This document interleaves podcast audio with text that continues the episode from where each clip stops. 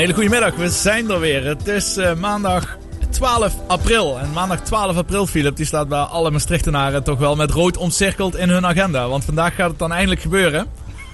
Deze maandag dan, ja, dat is uh, MVV Roda. Ja, absoluut. Dat is toch wel de wedstrijd van het jaar. Daar kunnen we gewoon niet omheen. Uh, ik weet niet of jij een beetje social media zo in de gaten houdt. Nou, ik natuurlijk uh, behoorlijk veel. Ja, je ziet de spanning wel opbouwen. Dat is natuurlijk geen publiek, maar je ziet gewoon heel veel filmpjes, posts uh, langskomen. Uh, ja, met, met hoge verwachtingen gewoon van de wedstrijd van vandaag, de derby. Ja, als ze maar niet te hoog zijn, hè? Dat is altijd het gevaar. is, is afwachten. is ook deel van de voorpret. En je ziet dan af en toe wat uh, supporters. Uh, ja, dan, dat is echt geweldig. Ja, gewoon zo, zo drie punten al. Ja, ik kan niet anders. Ik denk dat ze 3-0 winnen vanavond. dan krijg je dat, dat soort uh, uitspraken. Die worden heel makkelijk gedaan. Hoe het echt gaat aflopen, dat horen we vanavond. In ieder geval genoeg te volgen op de radio. Hier op RTV Maastricht natuurlijk. Want eerst hebben wij, Filip en ik, onze reguliere uitzending. Natrap met Shorts. Waar we zeker al veel aandacht gaan besteden aan die derby vanavond. Maar ook andere sport. Want er is heel veel sport geweest, Philip. Vind je ook niet? Uh, heb je een beetje bij kunnen houden? Want er was best wel veel te doen. Er is heel veel sport geweest, ja. Maar of ik heel veel sport gezien heb, is dan weer een ander verhaal. Maar uh, zo te zien uh, trek, trekken we dat uit over een hele week. Hè? dus, uh, Van de afgelopen week bedoel je? Ja, ja, ja dus we hebben maar één uitzending. Het, het, weekend te zijn. Ja, zo is dat. En we hebben ook maar één uitzending per week. En vorige week waren we natuurlijk niet op tweede paasdag.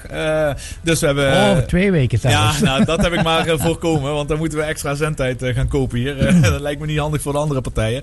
Maar in ieder geval, waar we het over gaan hebben, is natuurlijk wielrennen. Volop wielrennen. Deze week wordt de Amstel Gold Race gereden. Aanstaande zondag. We kijken ook even terug naar de ronde van het Baskeland. Vond ik echt een fantastische wedstrijd was dat. Super veel uh, spanning en uh, ploegen tactiek wat daarbij kwam kijken. De ronde van Vlaanderen, die is officieel natuurlijk niet afgelopen week geweest, maar wel het, het, weekend daarvoor. daarvoor.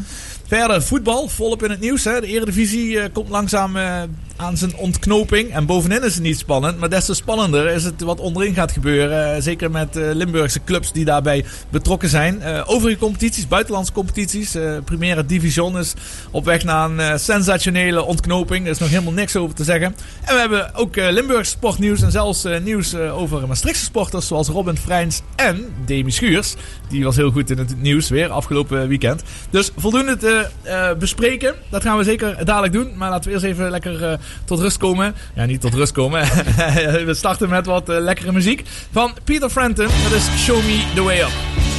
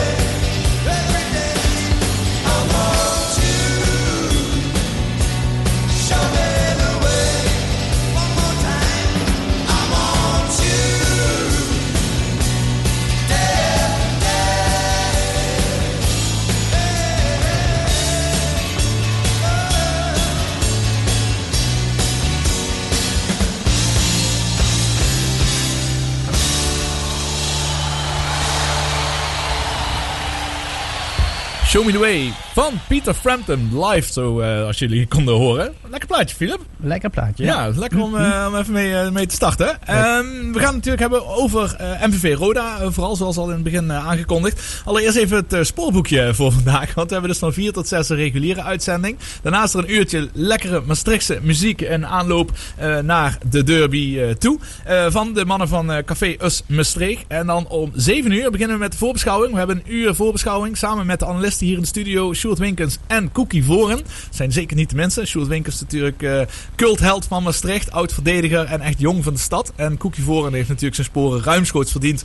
Ook als uh, assistenttrainer van MVV overigens. Dus uh, ik denk dat dat wel twee heel geschikte gasten zijn hier in de studio. Philip, denk je niet? Ik denk het zeker, ja. ja het gaat in ieder geval hartstikke gezellig worden. Niet alleen voor het commentaar, ook voor de gezelligheid. Ja, ja. zeker weten. Daar zitten we natuurlijk ook allemaal voor. Dus daar gaan we een uurtje spreken. We hebben om kwart over zeven hebben we precies, gaan we live met trainer Rij Kalesic. Stefan van Appenven staat aan de zijkant van het veld. En we kunnen hem interviewen. Verder doen we natuurlijk een goede voorbeschouwing op de wedstrijd. Dan vanaf 8 uur is de aftrap. En dan zijn we weer live samen met uh, Stefan Appenven vanuit Stadion de Geuselt. Daar geeft hij commentaar. En ik schakel dan met de gasten hier in de studio betreffende hun analyses. Dus in ieder geval, ik ga er voorlopig nog nergens naartoe. dat is hartstikke mooi. En ik hoop dat de luisteraars ook afstemmen op RTV Maastricht vanavond. Tijdens die bijzondere wedstrijd. De derby van het zuiden. Want over die derby gesproken. Het is de 32e derby. En Philip, een, een quizvraagje voor jou. Wanneer denk je dat er in Geuselt voor de laatste keer verloren is van Roda? Mm, 1997. je handelt toch met voorkennis. Ik ben even vergeten dat ik het uh, programma, het boekje al had doorgestuurd naar jou waar we vandaag over gaan hebben. Maar ik schrok er wel even van. Ik denk, nee, dat kan toch niet dat hij het goed heeft uh, geraden. Maar inderdaad, 1997, dat is toch lang geleden, hè? Dat is een tijdje geleden, ja. Ja, maar dat, precies. Er zijn volgens maar ja, mij... hoeveel jaar hebben ze niet tegen elkaar gespeeld? Ja, waarschijnlijk is dat de laatste keer in de, in de Eredivisie uh, geweest, zo ongeveer. en daarna is het heel lang niet gespeeld geworden. En pas sinds drie jaar, geloof ik, uh, dat Roda in de keukenkampioen-divisie eh, speelt. Spelen ze dus weer tegen elkaar. Waarvan dus in ieder geval geen keer verloren is in stadion uh, De Geuselt. Uh, benieuwd of we die streak kunnen ja, volhouden. Ik, ik, denk toch dat het gewoon een lastige wedstrijd gaat worden. Maar dat hoort er ook te zijn, hè, natuurlijk, tegen blijft, Roda. Blijft het altijd, ja. Ja, precies. Zeker als we nog even naar de stand kijken.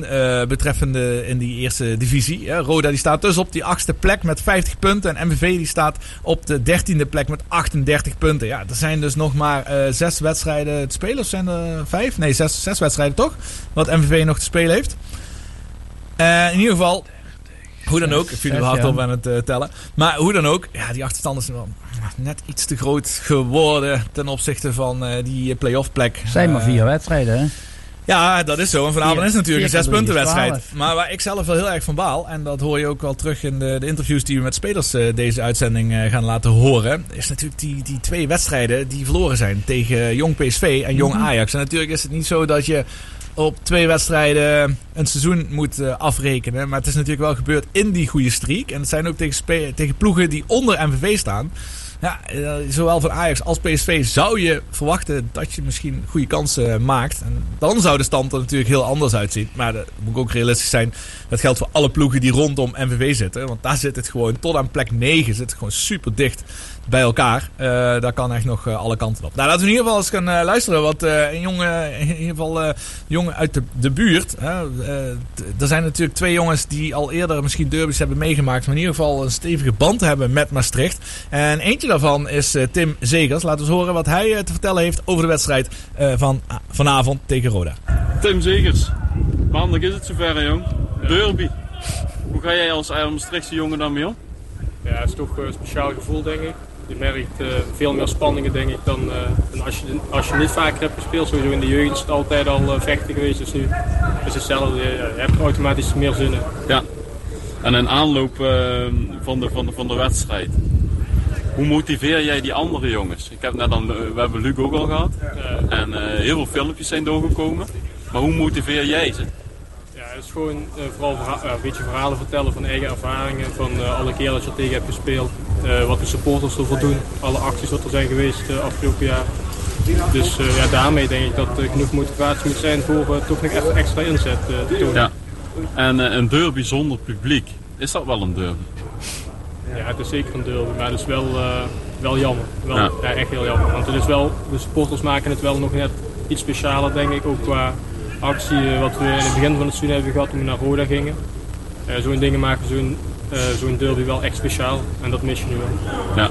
Krijg je vanuit de thuisfront nog een bepaalde dingen mee? Ja, dat valt, dat valt op zich nog wel mee. Alleen daar is het gewoon le- lekker mijn ding doen eigenlijk. En eh, ja, laten zien wat ik kan.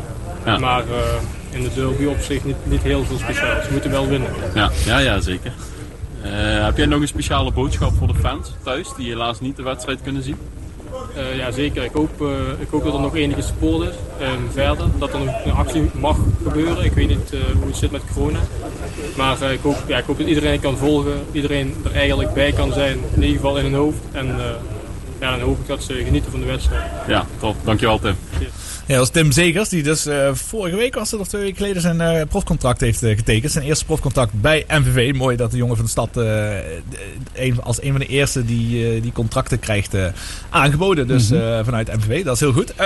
Filip, ja, geen publiek. Daar hebben we al honderdduizend keer is daar ook al over gesproken. Maar je zag natuurlijk in de eerste wedstrijd, de uitwe- uitwedstrijd eh, bij Roda, was ook zonder publiek. Hebben wij die maandag erop hebben we uitzending gehad. Toen zat Jelle Duin hier in de studio. En hebben we ook nog gebeld met Reginald Tal en Rick Plum. En wat toch wel eh, de algemene conclusie ook was. Dus dat het gevoel van de derby wel echt werd gemist. Dat het een heel matte wedstrijd zonder was. Meer, ja. Zonder meer. Alhoewel, ik vond de wedstrijd, heb ik gezien, eh, Ja.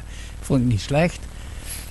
Qua, qua spel, maar een derby hoort publiek bij, ja. Ja, er werd niet zo ja, geschopt, zal ik maar zeggen. maar- hè. Dat is, zag, zag niet Ja, die ja, gif erin. Maar die, dat is toch al langer een beetje eruit, eh, dat echte vreten, zeg maar. Hè? Nou ja, het kan natuurlijk zijn dat er bij alle clubs tegenwoordig waar beladen derbies gespeeld worden, niet meer, enk, of laten we zeggen, niet eens de helft van de jongens.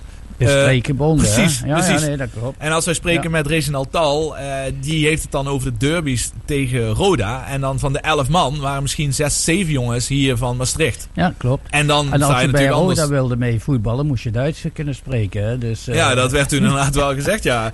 En, en toen Rick Plum, die zei ook tegen ons, toen die van Roda dan naar MVV kwam, heeft hij zich echt Mhm. heel hard moeten bewijzen. Ook een beetje om zijn loyaliteit te laten zien. En goed, uiteindelijk heeft hij daar met vlag en wimpel geslaagd. Want dat is natuurlijk heel succesvolle en populaire speler binnen MVV is het eh, geworden. Mhm. Eh, maar ja, hij had het toch wel moeilijk om, eh, om die overstap te maken. Ja, dat snap ik. Dus ja, goed, dat is de eerste voorbeschouwing wat we even hebben van Tim Zegers.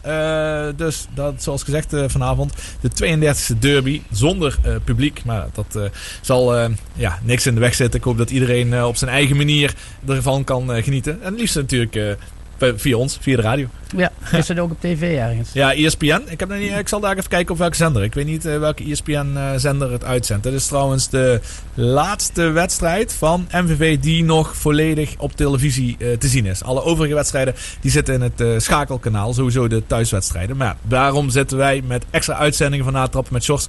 Iedere thuiswedstrijd, dus ook Roda, zijn wij erbij. Zodat we live verslag eh, daarvan kunnen doen. Nou, hopelijk eh, heeft MVV vanavond doet ze goede zaken en weten ze de weg omhoog eh, te vinden. Zoals Curtis Mayfield ooit zong. Move on up.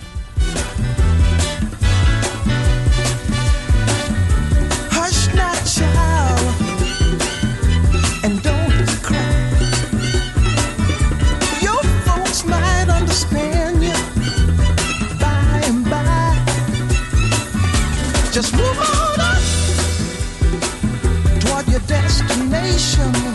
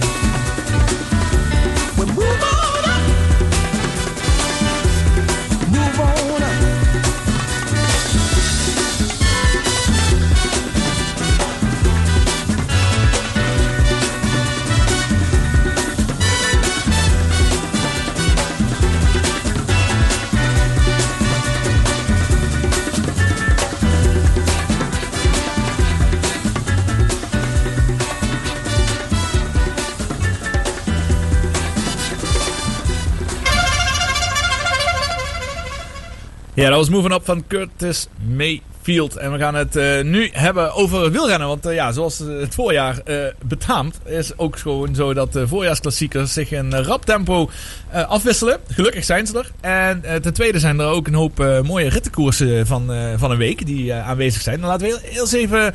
Ja, toch even terugkijken. Dat is niet goed volgens journalistieke gewoontes. Want je moet altijd met het laatste nieuws beginnen. maar we kijken toch eerst heel even terug op die eh, rit van de Ronde van Vlaanderen. Eh, Vlaanderens mooiste. En dan hebben we het even over de ontknoping. Want dat, dat eh, veel parallellen ten opzichte van de editie vijf maanden geleden. De uitgestelde editie waar Van der Poel samen met Van Aert met z'n tweeën naar de streep gingen. Deze keer was het Van der Poel samen met Asgreen wat naar de streep gingen. die te wachten, te loeren en te kijken. Want hij weet, meer dan vorig jaar, toen hij Van Aert erop dat hij de te kloppen man is hier.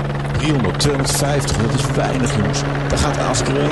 Daar gaat hij. En Van der Poel Net als reageert, beantwoordt, Oh, trekt hem op gang. Kijk. Maar Askreen is goed, is sterk, eens. is heel sterk. Kasper Askreen, hij heeft hem nog steeds niet verslagen van der Poel. Van der Poel laat lopen! Het is weg, het is op, het is over. Askreen pakt de Ronde van Vlaanderen. Nou, eh ik weet niet hoe jij gekeken hebt. Ik zat in de auto. eh, we waren op, weg naar het noorden. Voor een paar dagen even weg te, te gaan. Dus ik heb het eh, op de radio opgehad. Via Radio 1 langs de lijn. En ik had ook even de beelden op mijn telefoon. Maar die liepen natuurlijk een 20 seconden achter. Dus ik hoorde het radiocommentaar. Maar ja, ik wist even niet wat ik moest zeggen. Nou, eh, je kunt het navragen, maar met al mijn eh, beperkte wielerkennis heb Ik- van tevoren gezegd van Van der Poel wint dit niet, want hij trapt een te klein verzet. Hij had natuurlijk gehoopt dat die sprint later eh, was aangegaan en dan heb je een voordeel met een klein verzet. Maar Askren ging met eh, 300 meter en een heel groot verzet, dus hij kwam op, op hoge snelheid kwam hij over hem heen en dan eh red je dat niet met een kleine verzet. Dat vind ik een interessante analyse. Ik, heb, ik luister echt veel podcasts. Of het nou eh, ook wielerpodcast of eh NOS Sportforum. En er is het allemaal over deze wedstrijd gegaan. Maar ik heb nog niemand deze analyse Ja, horen zei, ik zei van tevoren, hij rijdt te klein. Hij rijdt klein verzet om die sprint te winnen. Nou, dat vind ik heel interessant. Want ik, ik denk, ja, weet je, eh, vorig jaar zat hij precies in dezelfde situatie. Liet hij het ook zo lang mogelijk eh, wachten op het einde aankomen om eh, Van Aert weg te ze alle zetten. twee even klein en gingen ze ietsjes later Ja, interessant. Want ik denk, vol. je zou toch verwachten, hij heeft zoveel ervaring inmiddels. Ook in sprints één op één, dat hij niet in een verkeerd verzet zou gaan sprinten. Maar ja, goed. het hoeft niet verkeerd te nee, zijn. dat maar is waar, oké. Verkeerd, Ja. verkeerd ingeschat. Uh, gehoopt dat ze 100 meter of 150 meter eh, later pas eh, vol in de beugels gingen. Ja, maar ja, als dan was natuurlijk wel zo slim, denk ik. Die ging op 300 meter ongeveer Ja, aan. ja. Omdat hij ook gezien heeft dat het jaar erop, eh, of de vorige editie, pas na, op 150 tot 200 Ja, meter de sprint aan werd gegaan. En dan is Van der Poel natuurlijk op zijn sterkst, op die hele korte, explosieve stukjes. Dus dat heeft hij als Green zeker goed gedaan. En laten we ook nog eens even zeggen dat eh, Van der Poel wel echt een fantastisch verliezer was. Een mooie verliezer. Hoe hij na afloop ook gewoon meteen in de interviews ook terecht zegt, eh, open zegt van... ja, dat, de sterk, dat hij op waarde geklopt was. En dat Askreen ook al de hele koers al sterker was. Want overal waar Van der Poel deed versnellen, was Askreen degene die continu naast hem zat en niet eens moeilijk had om zijn wiel bij te houden, waar ze ging- anderen al ja, wegreden. Hij ging al fluitend, zeg maar, eh, die, die bergjes. Ja, en die won al eh, die Saxo Bank, Mhm. eh, die E3 Classic, won die ook al op spectaculaire wijze van Van der Poel. Alleen toen waren ze met z'n drieën met de Koning Quickstep ploeg. Dus was het een beetje uitkiezen wie van de drie voorop zou blijven. Nou, dat werd uiteindelijk ook Askreen. Maar nu moest hij één op één tegen Van der Poel. En dat heeft hij toch heel knap eh, gewonnen. Ja. Deens kampioen, eh, dus wellicht eh, ook een heel grote naam voor. Dan zullen we straks even kijken of hij ook op de startlijst staat van de Amsterdam Gold Race. Dat durf ik even niet te zeggen. Daar kijken we in het tweede gedeelte na, als we het daar nog even over gaan hebben. Maar zeker niet gestolen. En dan ga ik je Mhm. nog één compliment geven, maar dan hou ik ermee op. Want dan zijn we al meer dan genoeg dan voor, voor twee uurtjes. Is namelijk dat jij een tijd geleden ook gezegd hebt na de Tirreno Adriatico en de Strade Bianchi. eh, dat hij misschien wel te veel met zijn krachten aan het smijten is. En ja, Mhm, dat ja. zei hij ook al van tevoren. Het beste was er wel vanaf en is er wel een beetje vanaf. Dus hij was wel heel goed, maar hij was niet zo super super zoals tijdens de, het Italiaanse blok. Waar hij alles en iedereen aan fladen reed. En, en, en de winnares bij de dames, eh Annemiek van Vleuten, ook zwaar veel respect voor haar Mhm, trouwens. ja. Dat zij alweer wint. Eh, zij zelf ook. Ik heb ongeveer 100 punten die ik op een jaar kan verdelen. En dat zijn dan 100 mentale punten. Ja, maar ja, als ik er vijf heb, verdeel- heb uitgegeven, kan ik die niet meer terugkrijgen in het seizoen. En ik denk dat Van der Poel heel veel punten heeft uitgegeven op die manier tijdens het, het Italiaanse blok. En daar Mhm. betaalt hij een beetje, beetje de prijs voor. Maar even in het achterhoofd houden dat het natuurlijk nog steeds mega, mega knap is. Dat hij daar gewoon in dus een van de mooiste koersen en zwaarste koersen van het jaar gewoon tweede wordt. Ja, en ze lieten van aard. Lieten Ja. ze staan met z'n tweeën. Absoluut. Dus, ja, Ja. eh, zeker. Dus we zijn nu allemaal teleurgesteld als liefhebbers van het. Nederlandse Mhm. wielrennen dat hij tweede wordt. Maar heel eerlijk is dit nog steeds een wereldprestatie. Want hij was ook weer degene die de hele koers op zijn kop heeft gezet. Ja, klopt. Ja, dus, dus niks dan respect. Wat wel apart is, of jammer is natuurlijk, dat hij eh, niet de Amstel Gold Race gaat rijden. Ehm, zou hij sowieso niet rijden, want hij zou Parijs-Roubaix rijden. Maar die is Die natuurlijk uitgesteld, door, naar uitgesteld. oktober. Dus eh, Van der Poel eh, stapt op de mountainbike. Ja. Gaat alleen nog maar wereldbekers eh mountainbike fietsen. En hopende natuurlijk op die Olympische medaille bij het ja, Olympische Spelen. ja, dat is vaak hè, Olympische medaille dat je bij Olympische Bij Spelen haalt. Spelen Ja. kun je niet verdienen, ja. Ja, ik was alweer Mhm. drie stappen verder. dus nee, dat was wel een hele spectaculaire ronde. Maar zeker niet minder spectaculair was wat mij betreft afgelopen week die ronde van Baskeland. Nou, laten we eerst beginnen met eh, vriend van de show, kunnen we zeggen. Iedereen die we aan de telefoon hebben gehad, eh, noemen wij vriend van de show. Wilco Kelderman. Ja, Dat, ja, sorry, maar volgens mij zou hij toch een keer een, een, een, een hersenscan moeten laten maken. Want hij valt bijna altijd. dat bedoel ik. Dat Dus kan toch ook geen toeval meer zijn? Evenwichtstoornis of iets anders. Geen flauw idee, maar daar zou je toch eens naar moeten laten kijken, denk ik. Het is zo knap, hè? Hij komt inderdaad, waar we het over gehad hadden, ehm, bij de, dat was ook Parijs-Nice, denk ik, eh, dat hij vijfde werd. Mhm, ja. Meteen. Meteen na Zo zijn... eh, super knap. En eh, dus hij is werkelijk een van de allerbeste wielrenners ter wereld. Zonder twijfel. In, eh, in de meerdaagse koersen. Ehm, maar nu valt hij twee dagen achter elkaar. mhm. Ah, dat is toch zo jammer. Eh, Ja, het is, ik kan er niet zeggen. Ja, je kunt bijna niet meer zeggen dat het, dat, dat dikke, botte pech is. Nee, hij valt zoekt het op. Ik ben een- vaak. Met een Ja. denken een, een Lance Armstrong. Hoe vaak is hij betrokken geweest bij een valpartij vroeger? Zelden of nooit. Ik kan het me niet meer Nee. herinneren. Mhm. Of een, Ja. een Chris Froome in, in zijn grote tijden. die viel wel eens. Ja? Ja, wel wat schaafwondjes soms. Ja. Oh, en die is een keer eh, met, zonder fiets naar boven gerend. Hè? Was, dat ook, was- was hij ook even gevallen. Ja. Dat was in de Tour de France was dat. dat klopt. Nee, maar dat is bijna geen toeval meer. Echt zwaar veel respect voor Wilco Kelderman. Dat hij zo goed fietst meteen weer. Maar zo jammer dat hij Mhm. toch weer door twee valpartijen dan... eh, en ik neem aan dat mentaal moet dat op een gegeven moment ook iedere keer een klap voor je zijn. Als je al zoveel blessures hebt gehad en je valt weer twee keer. Je moet weer afstappen. Ja, echt, echt, Ja. eh, echt heel jammer eh, voor hem. Maar dan, eh, ja, dat is nu eenmaal zo. Maar dadelijk wil ik dan even met je, want we gaan even wat muziek luisteren. Anders dan gaan we wat, Mhm. gaat dit wat te lang door. En hebben we helemaal geen luisteraars meer over dadelijk. Maar ik wil dadelijk wel even terug, terugkomen op die ronde van Baskeland. Want ja, dat was toch wel weer een fantastische clash.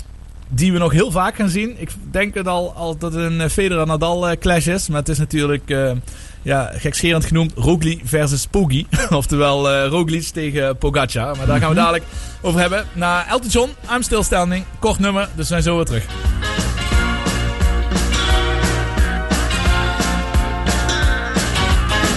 You can never know what it's like. Your blood like winter freezes just like ice. And there's a cold the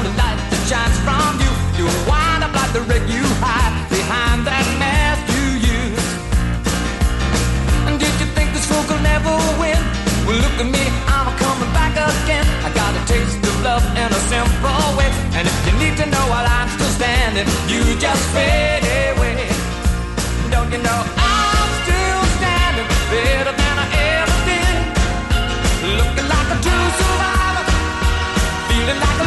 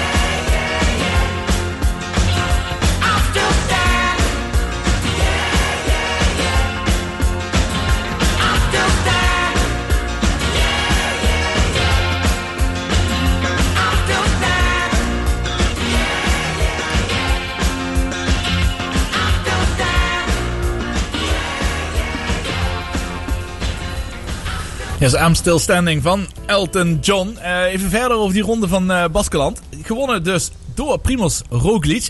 Eindelijk zou je bijna eens kunnen zeggen dat hij eh, wint van Pogacar. Trouwens, over Pogacar gesproken. Die uitspraak van die naam. Ik heb Pogacar weer gehoord. eh Pogacar. En Pogacar is natuurlijk wat Sander Kleikers ons eh, geleerd heeft. Dus daar houden wij ons ook aan. Omdat hij dat eh, aan hemzelf heeft gevraagd. Dus bij ons blijft hij gewoon Pogacar heten. Maar even heel succesvol voor Jumbo-Visma. 1-2. Jonas Vin- Vingegaard was tweede geworden. En het kwam aan op de laatste spectaculaire etappe afgelopen zaterdag. Was maar 120 kilometer ongeveer. Maar zwaar veel eh, klimmen. En wat heel grappig is, en daar heb ik ook gesproken, of ik heb het niet zelf gesproken, maar ik heb gehoord met eh, de, de ploegleider in, in, in een podcast eh, gehoord wat hij erover zei. En dat vind ik wel interessant. Want dan ben ik benieuwd hoe jij erover denkt, Philip. Ze hebben nu een keer McNulty, toen die vooruit was, hebben ze laten rijden. Dus ze hebben hem bewust de leiderstrui laten pakken. Zodat UAE, dus de ploeg van Pogacar, in het geel ging rijden. Want daar was het ook geel. Eh, dus die gingen in het geel rijden. Waarbij ze dus druk een beetje afhaalden van Jumbo-Visma. Zodat zij die laatste etappe niet de koers hoefden te controleren. Vervolgens gaat Tolhoek en Ome, die rijden vooruit. Die demareren in die laatste weg. Dus dat waren perfecte adjudanten voor Roglic. Die vervolgens in die afdaling een beetje los wisten te komen met een paar mannen. Maar die gingen hard naar beneden. Dat was echt niet te geloven hoe hard dat ze daar naar beneden gingen. Want ik hoorde eh, het commentaar, was trouwens ook van Sander Kleikers. eh, die toen ze wegschakelden, zeiden ja, het is maar goed dat je even wegschakelen. Want als moeder wil je niet zien eh, hoe hard dat deze naar de beneden 90 gingen. uur Ja, in ja. die bochten en alles. Mhm. Dat was echt spectaculair. Ja. Ehm, maar vervolgens komt dus Roglic bij eh, Tolhoek en Ome. Die met z'n tweeën als een gek zijn gaan rijden voor Roglic. En daardoor dus dat gat wisten te trekken. En wat het meest bijzondere was, is dat een eh Pogacar voor McNulty ging rijden. Want die had die gele leiderstrui. En vervolgens ja, heeft eh, Pogacar ook heel vaak om zitten kijken van ja, kom je nog mee of niet? Terwijl hij niet echt voor zichzelf aan het rijden was. Zo leek het. Zo leek Dus- het, ja, ja oké. Dus dat is heel bijzonder wanneer je dus eh, de, de, het initiatief eigenlijk aan een andere ploeg min of meer geeft. Krijg je zelf veel meer ruimte om aan te vallen. Terwijl bij een Tour de France zag je alleen maar zwart-geel voorop rijden. Mhm. En Tom Dumoulin en Cody Geel die kreeg nog op zijn donder toen hij gezegd had van jongens, waarom rijden wij alsof we het geel hebben? Maar misschien had hij daar ook wel een goed punt. Ja, klopt. Maar aldoende leert men, hoop ik, voor eh die mensen. Omdat ze dus niet altijd per se vooraan moeten rijden in een etappekoers. Ja, dat wordt dus interessant Mhm. naar de grote rondes toe. Ja. Want hier was het heel succesvol. En ze, ze gaven ook zelf toe dat ze het op die manier gedaan hebben. Eh, maar straks, als drie weken gekoerst wordt in een Tour de France bijvoorbeeld, of een Giro, die zal eerder zijn. Dan ben ik benieuwd of ze dat ook durven te doen. Zou wel moeten. Ja. En ook gezien het materiaal wat je hebt, is dit, eh, was dit een, een ideale strategie. Absoluut, ja. Ja, nee, dat, dat was, ja, dit was een goede strategie. Maar ik ben Mhm. benieuwd hoe ze dat in de Tour de France, of ze dat ook op die manier durven te doen. Dat ze niet meteen van het begin af aan eh, zo drie weken lang die koers gaan controleren. En dan de voorlaatste dag eh, ging het toen natuurlijk mis. Alhoewel Roglic deze tijdrit overigens een halve minuut pakte op eh Pogacar. Dat was wel Ja. heel, heel knap. Nog één dingetje hierover. Ehm, over, over UAE, hè, dus dat is United Arab Emirates. Die, de ploeg, die zijn aardig versterkt. Vorig jaar had je natuurlijk Pogacar bijna alleen, voor je gevoel, Mhm. tijdens Tour de France. Maar nu is, eh, rijdt eh, Max Hirschi rijdt bij hun. eh, McNulty en nog een andere grote naam wat erbij is gekomen.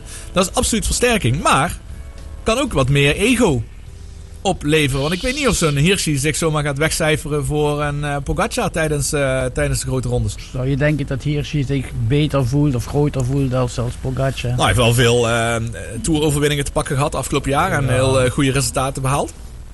Dus ik weet niet hoe dat werkt. Het, is, het, is wel, het is wel interessant hoe dat gaat werken. Want als ik dan kijk naar Mathieu van der Poel voor Alpecin. Kun jij mij een andere rijder van Alpecin eh, opnoemen?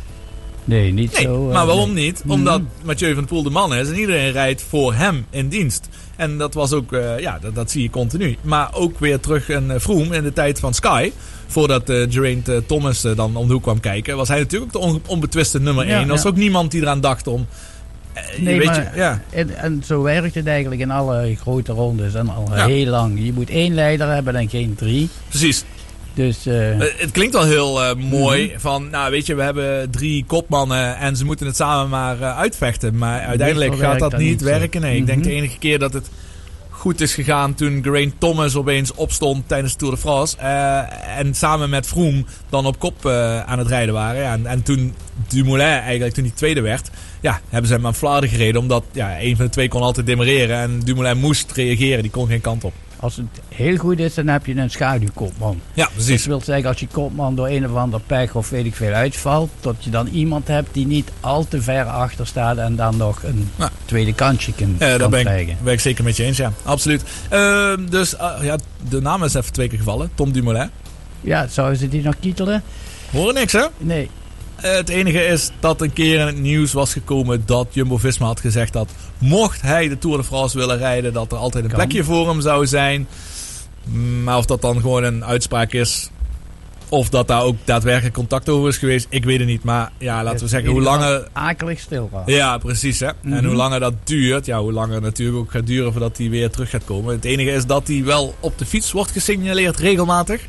En dat, eh, maar wel hier in de buurt. ja, hier in de buurt. Ja, en dat. Laurens ten Dam Mhm. eh, laatst op Strava gepost had. Dat eh, een foto zelfs dat hij samen met Tom had gefietst.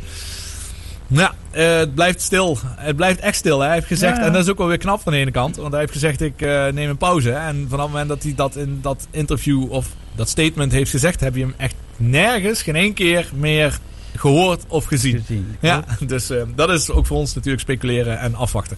We gaan even wat muziek luisteren. Eh nieuwe nummer van eh, Raccoon, Nederlandstalig weer. Dat blijft toch, vind ik, wel een sterkste kant wanneer ze Nederlandstalige nummers maken. Hey hoe Jip, wat kijk je sip, ga je mee een eindje varen? Dan gaan we naar de overkant, een reis van vele jaren. Maar Jip was stil, hij zei niet veel, alleen dat hij wou gaan lopen. Dat die boot voor hem vertrokken was, hij de boel wilde verkopen. En trouwen moest van hem nooit meer, zonder liefde ook geen pijn. En die overkant mocht branden, als die daar niet hoefde zijn. Hij kon niet lachen om de grap waar hij anders van moest huilen. De Jip was weg vertrokken, zocht een plekje om te schuilen. Maar het is waar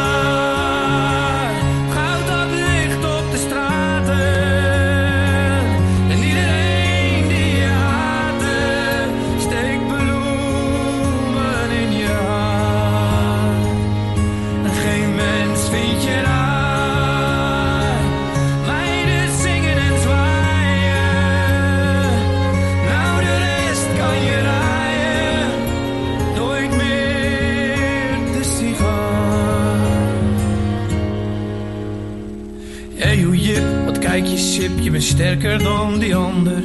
Sterker dan de gouden we hebben toch elkander. En jij ben jij en ik ben ik, en dat gaat niet meer veranderen. Er is geen middel tegen, niet hier, niet in verre landen. Hey hoe jip, wat kijk je sip, doe je nu al heel je leven. Ze zeggen dat jij ooit een keer je hart hebt weggegeven. En dat ze toen op volle kracht wat dingen had opgevouwen. Doosje had gepropt samen met je vertrouwen. Maar het is waar,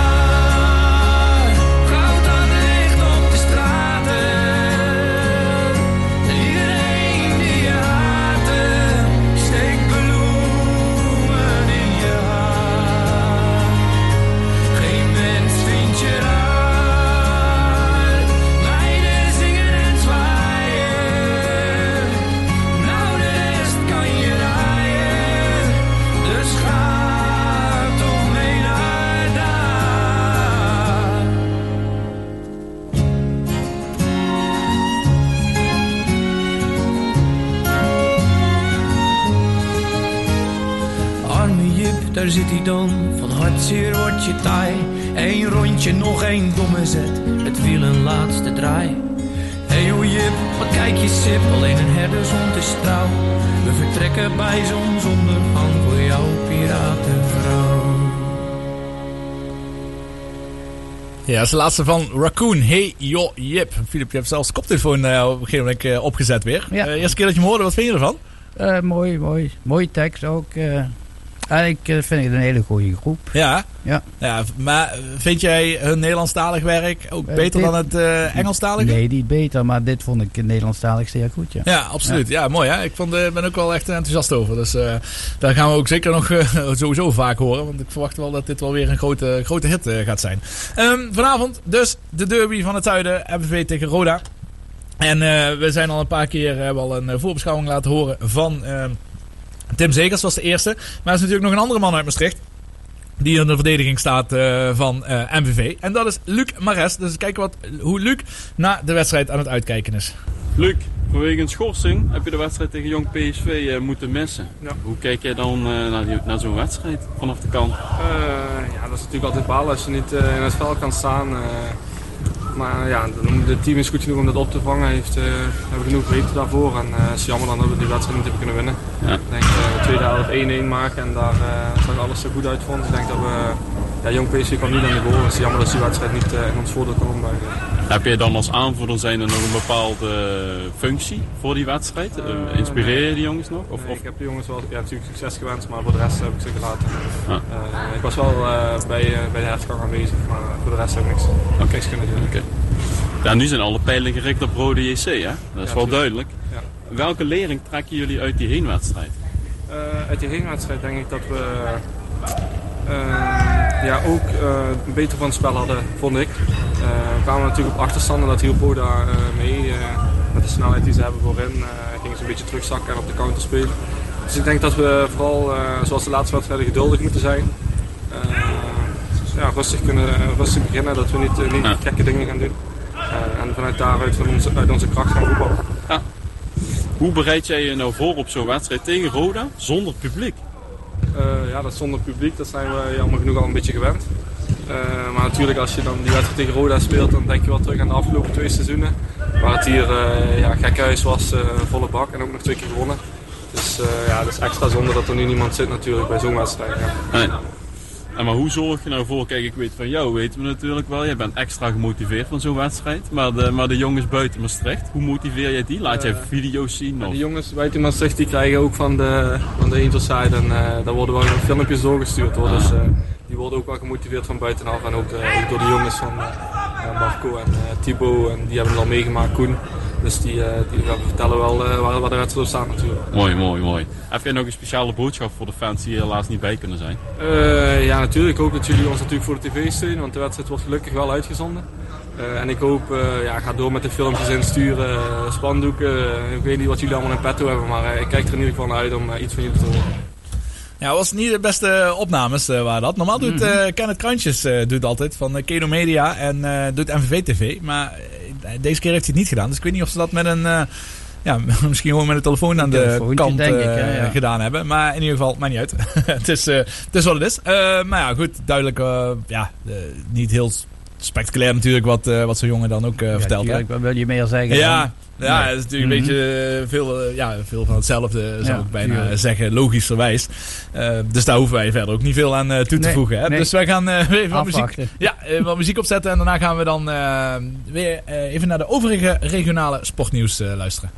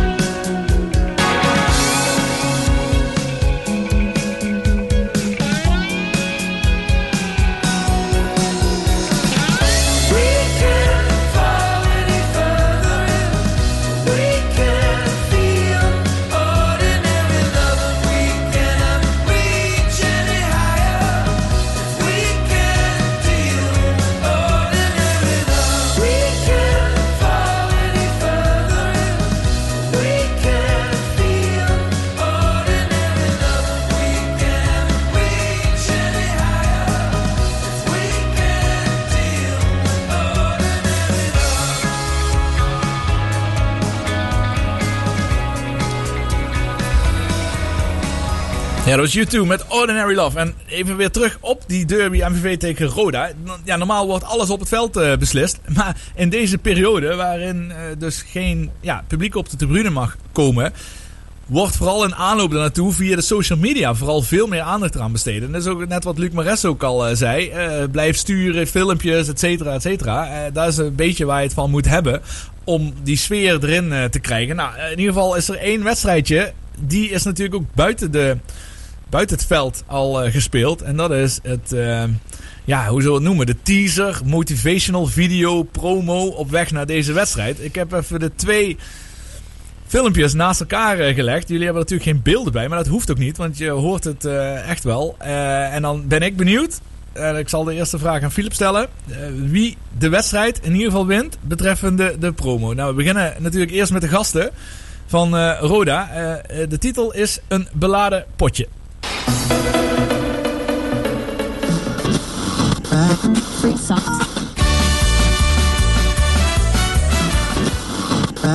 Vanavond staat hij op het programma, hè? de enige echte Limburgse derby. MVV Rode JC. Ja, Rob, dat blijft natuurlijk altijd een beladen potje. Hè? Ik bedoel, Roda doet het goed, haalt eh, punten tegen topploegen de laatste weken. Voetballen goed, maar ook MVV heeft de laatste tijd veel wedstrijden gewonnen. Dus dat gaat weer een potje worden op het scherms van de snede. Het is natuurlijk zonder publiek nu in Maastricht, maar ja, je kunt je nog wel herinneren die sfeer daar. Hè? En met die sfeer ja, presteert MVV eigenlijk altijd goed, maar dat hebben ze nu niet. Ja, dat klopt Rob. Eh, Ik denk dat dat MVV altijd wel een steuntje in de rug gegeven heeft. Dat opgepepte sfeertje daar in die geusel. Maar ja, wij moeten gewoon naar onszelf kijken en lekker ons spel spelen zoals we dat kunnen. En dan moeten we daar die punten gaan pakken. Dat denk ik ook, joh. Kijk, het blijft de enige echte Limburgse derby. Ja, daar moet gewoon iedereen voor opgepept zijn. En eh, ja, ik wil niet minder zien dan een scherf op de snede. Ja, pakken die pieren zou ik zeggen. Nou, dat staat ook dat is echt op de officiële kanaal van, eh, van Roda JC, hè? op de officiële YouTube kanaal. Uh, Philip, al e- even korte reactie hierop. Het valt me op te leren Roda goden maken. Ja, eh, nou, dat is ja. Maar oké, ik eh, dat was even de opbouw. En na- was het in ieder geval niet. Nee, dat wilde ik maar zeggen. Ja. Maar Kenneth Kruintjes, ook weer, eh, dus van de Vrij Mibo Show en van MVV TV en Keno Media, et cetera, et cetera. Hij doet zoveel. Die heeft ook even een eh promootje gemaakt. En die heet Kom op, die roeien. Het is toch een gek van te gebeuren. Neemt me met een vroom chargeneren op de tribune. Neemt me juichen met die schoene goal.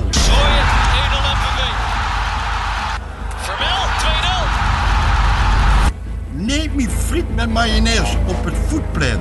Neemt me naar stadion de Geus. Neemt me naar MVV. Man, wat missen we u? En we gaan dus nog niet missen in de strijd tegen de buren. Want een derby zonder u op de tribune is dat wel een derby.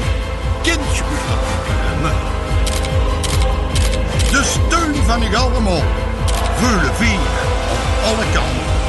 Of van de lui die jammer genoeg niet meer onder ons zien.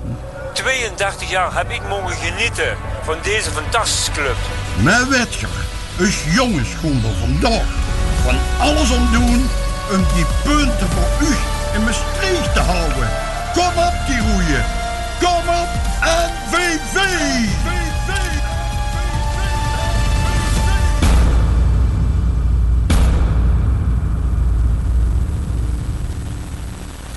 Nou, Philip. Nou, eh, ik wist niet dat Kadicek zo goed Maastricht Ja, het is eh. Frans Teunis natuurlijk. maar eh, ja, ik ben daar ook niet echt...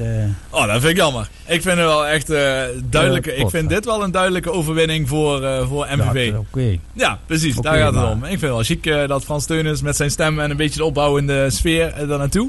Dat die dat zo op die manier gedaan hebben. Nou, in ieder geval is dat dus hoe het, hoe het buiten de velden op eh, ging. En dan eh, ja, is er nog maar één ding wat er gaat gebeuren. Ja, dat is natuurlijk eh Is de strakjes. aftrap. Is de aftrap. nou, die eh, gaat eh, voorlopig nog niet zijn. Daar zitten nog een, eh, een, een twee uren, ruime twee uren zitten daar nog eh, tussen. Wij zijn alweer langzaam aan het einde van ons eerste uur gekomen. Eh, we gaan er nog even uit met wat muziek. En dan komen we zo dadelijk eh, na de reclame en na het nieuws komen we natuurlijk weer bij jullie terug.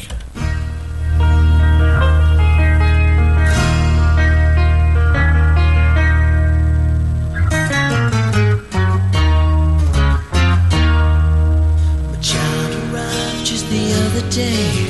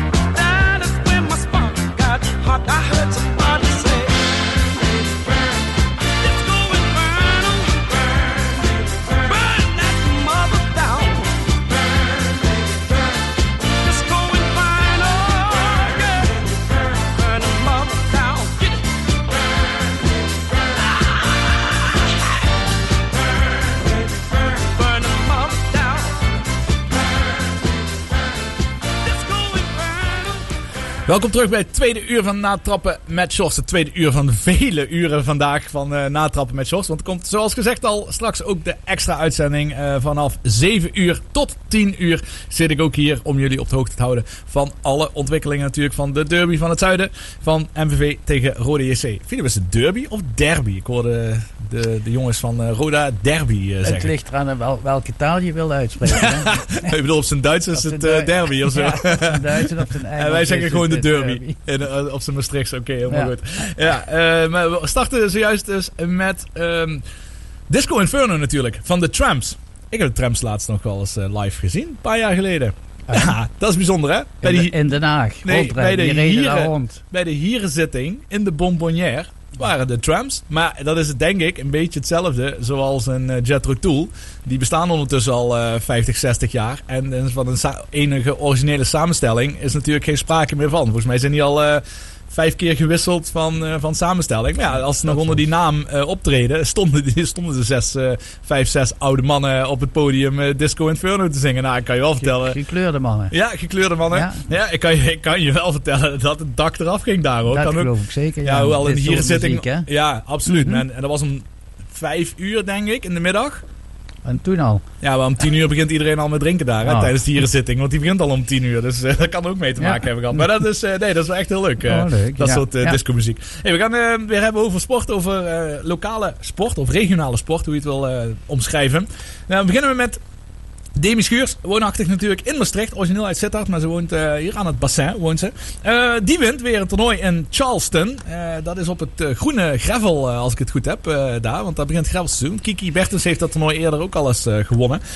In ieder geval de 27-jarige Schuurs won met even oude Melichar. Ik weet nog steeds niet hoe ik die naam precies moet eh, uit gaan spreken. Daar moeten we ook nog eens achter zien te komen. Melichar. Waar in ieder geval in de finale hebben ze gewonnen met 6-2, 6-4 tegen Tsjechische koppel Buskova en Radeka.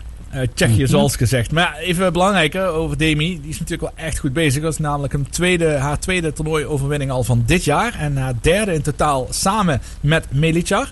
Ehm want die wonnen vorig jaar dus in, eh, wat was het, Straatsburg wonnen ze. En ze wonnen ook al eh, eerder dit jaar in, eh, in Doha. Maar zij heeft inmiddels nu 14 WTA-titels in het dubbelspel behaald. En eh, staat nu op de 12e plek op de ATP, eh, of de WTA is bij hen natuurlijk, de WTA wereldranking. Ja, heel mooi. Dat vind ik heel Ja, knap. Absoluut. En Mhm. ik hoop, ik denk op zich wel eens dat we haar eens aan het spreken, te spreken gaan krijgen hier in Oh ja? eh, onze uitzending. Ja, dat, is- die lijntjes staan wel uit. Maar ik heb haar nog tennisles gegeven toen zij Bij Sittard. tien hè? was, denk ik. Zoiets. En dat, ja, dat is mooi, want eh, een Zal aantal... wel verdrongen hebben. hè? Dat weet ik wel zeker. ik ook bijna, behalve haar naam, die kwam ik later natuurlijk dus weer tegen. Mhm. Maar als je dan bedenkt van, je hebt daar, laat ik zeggen, 60 kinderen die in zogenaamde selectietraining eh, zaten. Eh, dan zou zij niet degene zijn waarvan ik op dat moment zeg van, Mhm. nee, die gaat later de wereld overreizen en gaat gewoon top nummer 12 van de wereld worden. Maar dat klopt Dus- wel. Wat de beste tennissers in jouw leeftijdscategorie. Ja. Er waren ook hele goeie bij. Die zijn eh, vanaf hun 16e, 17e nergens meer op een lijst voorgekomen. Nee, dat is zeker waar. Zeker Mhm. waar hè? Dat is heel grappig. En de bij- mindere in Ja. die tijd, Ja. die, die eh, hebben het wel nog redelijk Ja, laat, eh, in dat geval Mhm. laadbloeiers. En je ziet ook wel vaker van die statistiekjes bijkomen. Dan laten ze de, de ITF-ranking, dus de junioren-ranking, laten ze bijvoorbeeld de top 20 zien van een bepaald jaar. En dan zie je dat er maar van die top 20 misschien maar drie of vier spelers uiteindelijk ook op de ATP-tour eh, naar Ja. de hoogste plekken doorstoten. Of in ieder geval een succesvolle carrière hebben. Dat is absoluut geen garantie als je op jonge leeftijd al eh, heel hoog staat. En, Buiten en- talent moet je ook karakter, karakter Ja. hebben. hè. Je moet toch veel en als je, als, laten. als je als kind veel verliest, word je ook sterk. Hè? Want ik kan, Kan. me voorstellen, eh, we hebben hier in het zuiden ook een, hè, een Annemarie Doppen bijvoorbeeld. Als, eh, die won alles bij de dames, landelijk, Mhm. omdat zij ook sterker was. Gro Ja, een, al anderhalve kop groter was dan Mhm. al haar concurrentes. Maar op een leeftijd van 15, 16, dan is dat gat Is dat dicht. En dan ga je wedstrijden verliezen. Terwijl je je hele leven nooit gewend bent om wedstrijden te verliezen. Want je Mhm. wordt ingehaald door spelers waarvan die je minder achten. En dat is mentaal heel moeilijk. Je kunt beter aan de andere kant staan. Zoals ik. Dat je gewoon nee, altijd, nee, dat je altijd verloor. Nee, dat je wel veel verloor. En dat je op een gegeven moment merkt dat je dichterbij komt Mhm. bij jongens. Waar je vroeger altijd van verloor. Dat is mentaal veel Daar, daar ga makkelijker. er ook echt overheen. Hè? Ja, nee, Mhm. absoluut. Ja. Ja. Dus de vraag is of dat eh, bijvoorbeeld voor een Robin Freins, eh, om naar het volgende te gaan, of dat ook zo geldt. Of hij vroeger eh, ook al, alles gewonnen heeft. Ik denk dat daar wel enige sprake van is. Maar hij is in ieder geval bezig in dit circuit.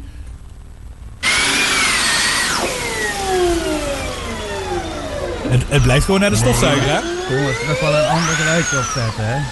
Ja, dat snap ik ook nog steeds niet. Hè. Dit, dit- dit lijkt gewoon ja, een stofzuiger eigenlijk. Ik weet niet hoe je het moet omschrijven. Maar die is nu wel natuurlijk de Formule E. Dat was eh, afgelopen weekend in Rome was het tweede eh raceweekend. Want ze rijden altijd dus twee races eh, in een weekend. In de eerste werd hij eh, nog vierde, heel knap. Eh, en de tweede werd hij dertiende. Dat is dan wat jammer. Hij staat nu wel tweede in het kampioenschap. Maar zoals gezegd zijn pas twee raceweekenden geweest. Dus pas vier wedstrijden in totaal. Maar dertiende werd hij, omdat hij als laatste moet starten naar een, eh, een crash. hè? Ja, de crash waar, waar De Vries bij betrokken was. Toch wel de zeer talentvolle Mercedes-rijder waarvan toch wel heel veel nog verwacht wordt. En wellicht dat hij nog een Formule 1 eh, carrière in het verschiet heeft. Bij Robin Freins denk ik dat die droom wel een beetje vervlogen is. Maar dat hij echt niet mag klagen. Want hij heeft natuurlijk al een prachtige klasses gereden. De DTM heeft hij vorig jaar nog gereden. En nu weer eh, toch aan de, in de top meerijden in zo'n upcoming ja, klasse als de Formule E. Ik denk dat hij heel, eh, heel, heel erg trots mag zijn op zijn, eh, zijn Absoluut, race, ja. Ja. racecarrière.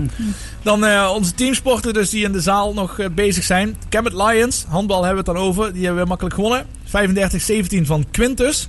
En waar komt Quintus vandaan? Quintus. En die heb ik niet erop geschreven. Nijmegen. Nee, Quinsheuvel. Er ooit van gehoord? aan de buurt. dan. Ik heb geen idee waar dat ligt. Nee. ik heb geen idee van. Maar Quinsheuvel heb ik nog nooit van gehoord van die plaats. Eh, maar in ieder geval, zij blijven koploper in de eredivisie. Dus zij staan nog steeds eh, bovenaan. Eh, Ja. Dat is knap, zeker. Eh, en Bal Weert, hè, Basketbal Academy Limburg en Weert. Die winnen. Eh, ondanks de kapotte shotklok. Ja, maar die hebben wel Quatarius, hè? Quatarius Wilson. Ja, Die, vertel. Die Nederlandse Amerikaan, eh, die wordt pas terug naar Nederland is gekomen. Ja, oké. Ja, dat die, kan. Die, Ja, die scoort, is- die scoort daar eh Ja. een leven Aan de lopende band. Ja, mooi is dat, ja. Eh, we zijn in ieder geval nog twee wedstrijden, maar we zijn al zeker van de play-offs. Dus over twee wedstrijden dan begint daar het eh, play-off weekend. Dus kijken of ze daar ook potten kunnen breken daarbij. Dus dat is betreffende even de, de sport die lokaal zo geweest is. Want staat, Philip, staat er nog veel zo in de Limburger? Jij kijkt iedere maandag, pluis jij nee, alle... ja, die gebruikelijke dingen. Dus eh, handbal, eh volleybal is er ook niet meer op, op niveau in, Limburg. Ja, er is, nou, toevallig is er eh, een nieuwe combinatie is inmiddels gepromoveerd. En die combinatie was Maasbracht en Linne. Lima C. Limac. Lima C. Dus Limac is Mhm. Linne, Maasbracht combinatie. Die zijn in ieder geval gepromoveerd naar het hoogste niveau. Dus die gaan nu ook Eredivisie spelen. En die doen volleybal. Volleybal inderdaad, de dames. En dan hebben we nog een, eh, hoe heet ze? Vesta, weet ik veel. Maar dat is eigenlijk een combinatie half eh, Brabant, half zeer, zeer Noord-Limburg. Maar dat is het enige inderdaad betreffende volleybal. Tafeltennisseizoen zal, zal wel afgelopen zijn, want Ja. heel en opstreken Ja. staat daar vrij hoog in. Ja, voor ons is het echt gewoon wachten, denk ik, op de amateursport weer open kan gaan. Want Ja. als je hier, hier natuurlijk in Maastricht kijkt, ja, wat is natuurlijk veel aanwezig, is amateurvoetbal, sowieso. Maar ook hockey, eh, Hockey, tennis, tennis, tenniscompetitie, tennis, ja, weet je, ja, bij ja. Kimberia. Maar ja, Mhm. dat is ook uitgesteld eh, voorlopig. Ja, Dus wat voor, hebben we nog meer? september wordt het allemaal... eh, Nee, nee, nee, nee, dat gaat gewoon rustig blijven. Dus wij blijven voor jullie natuurlijk wel alle regionale berichtjes eh, afstruinen. En jullie daar op die manier op de hoogte te houden. Maar het is eh, betreffende Maastricht is het natuurlijk heel erg op, een, op een heel erg laag pitje is het. Nou, we gaan even wat muziek luisteren. Dan komen we zo dadelijk eh, komen we weer terug met een eh, eh, even over het Europese voetbal van de afgelopen week. Want ook daar is natuurlijk best wel veel gespeeld. Champions League was er en de UEFA League met Ajax tegen AS Roma. Maar daar gaan we eerst luisteren naar Billy Ocean. Love really hurts without you.